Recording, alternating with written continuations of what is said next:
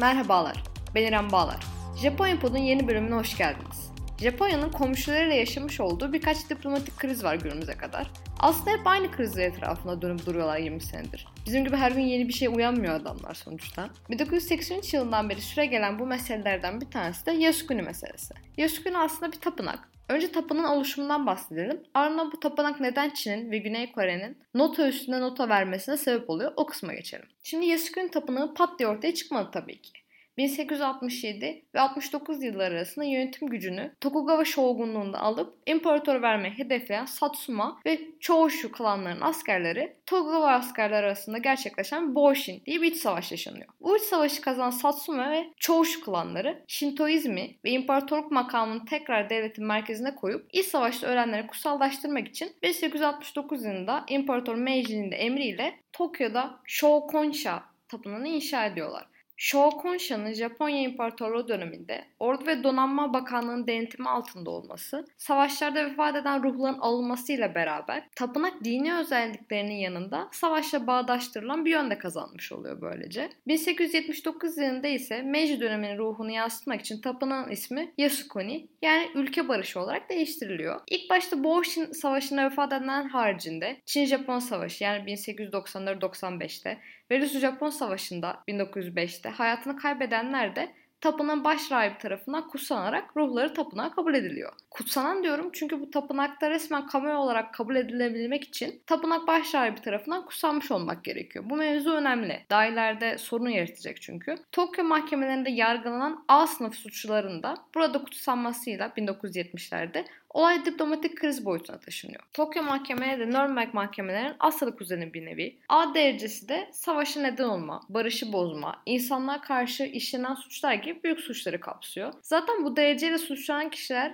generallerden ve bakanlardan oluşuyordu. Bu suçla yargılanan 28 kişiden sadece 7'si ölüm cezasına çarptırıldı. Kimisi dava sürecinde vefat etti, kimisi hapishanede vefat etti. Tojo Hideki gibi kişiler vardı. Geri kalanlar da 54-56 yılları civarlarında salındılar. Bu suçların tapınağı kabulünün tepki çekeceği bilindiği için de 1979 yılına kadar gezi tutuldu. 1978'den itibaren İmparator Hirohito bile savaştan sonra Japonya'nın benimsediği barış yanlısı imaja ters düşmemek adına vefatına kadar tapınağı ziyaret etmiyor. İmparator bile diyor şimdi ağzımızın tadı kaçmasın durduk yere tapınağa gidip vesaire. Diplomatik kriz yaratmayalım. Yasukuni tapınağı baş rahibi bir ruhu kutsadıktan sonra kutsanan ruh ebediyen kami olarak devam ediyor. Aslında somut bir mezar yok tapınakta. Sadece isim kartları var. İsim kartı tapınaktan çıkarılsa bile ruhun ebediyen tapınakta kalmaya devam edeceğine inanıyorlar. Aslında tapınağı diplomatik kriz haline getiren şey Japon başbakanlarının buraya yaptığı ziyaretler. Özellikle 15 Ağustos'ta yani 2. Dünya Savaşı'nın bitim günü olarak kabul edilen günde yapılan ziyaretler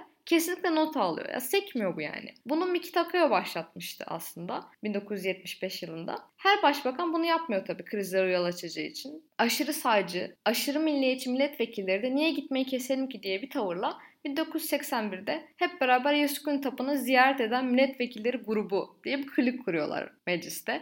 Toplanıp Yasukune'ye gidiyorlar tören günlerinde falan. Diplomatik kriz boyutuna ulaşması 1985 yılına yani Nakasone ziyaretine denk geliyor. 15 Ağustos'taki bu ziyaret Çin'de halk ve hükümet düzeyinde oldukça eleştirilere maruz kalmıştı. Nakosone'nin Yasukuni ziyaretini tepki çekmesinin tek nedeni 15 Ağustos'ta gerçekleştirilmesi değil tabi. O dönemde Japonya'nın normal bir ülke statüsüne ulaşmak için Japon ordusunun gücünü arttırmayı hedeflemesi ve Birleşmiş Milletler'in toplu savunma görevlerine aktif olarak katılmaya başlaması da bir etkendi. Bu ülkelerdeki büyük protestolar sonucunda başbakanlar artık gitmesek mi diyorlar. 1996 ve 1985 yılındaki iki ziyareti saymazsak Koizumi'nin 2001 2001 yılındaki ziyaretine kadar başbakanlık düzeyinde bir ziyaret gerçekleştirilmiyor. Milletvekilleri yine toplanıp gidiyorlar tabii. Koizun burada bir istisna. Zaten 2001 seçimlerinden önce bunu vaat olarak sunuyor halka. Japonya'nın artık geçmiş kimliğinden kurtulması için Yasukune'ye olan ziyaretlerin olağanlaştırılmasını istiyor. Tepki çeken bir şey olmaması gerektiğini söylüyor halka.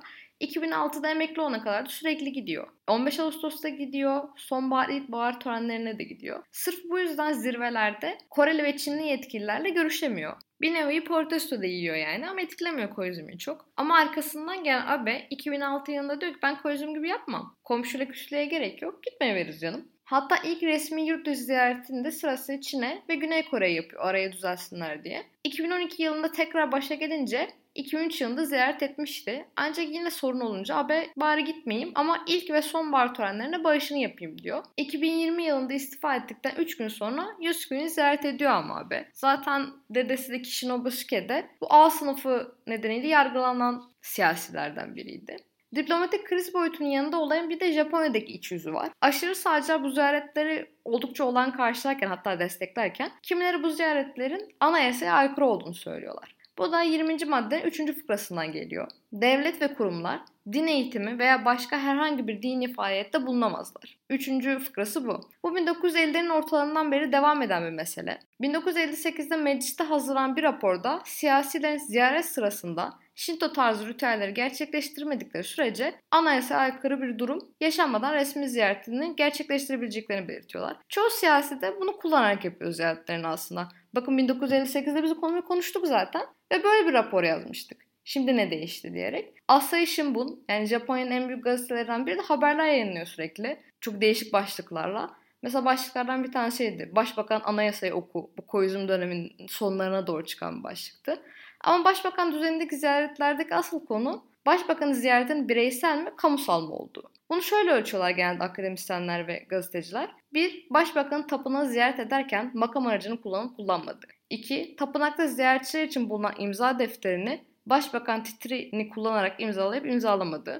Üçüncüsü ziyaret sırasında yapılan bağışın başbakanın şahsi harcaması olup olmadığı ve dördüncü kamu görevlilerinin başbakanı eşlik edip etmediği olmak üzere dört tane. Mesela Miki Takeo tapınağa makam aracıyla gitmesine rağmen bağışı kendi parasıyla yapıp imza defterini başbakan ünvanıyla imzalamamıştı. Koizm çıkıp şey demişti bağışı kendi cebimden verdim diye.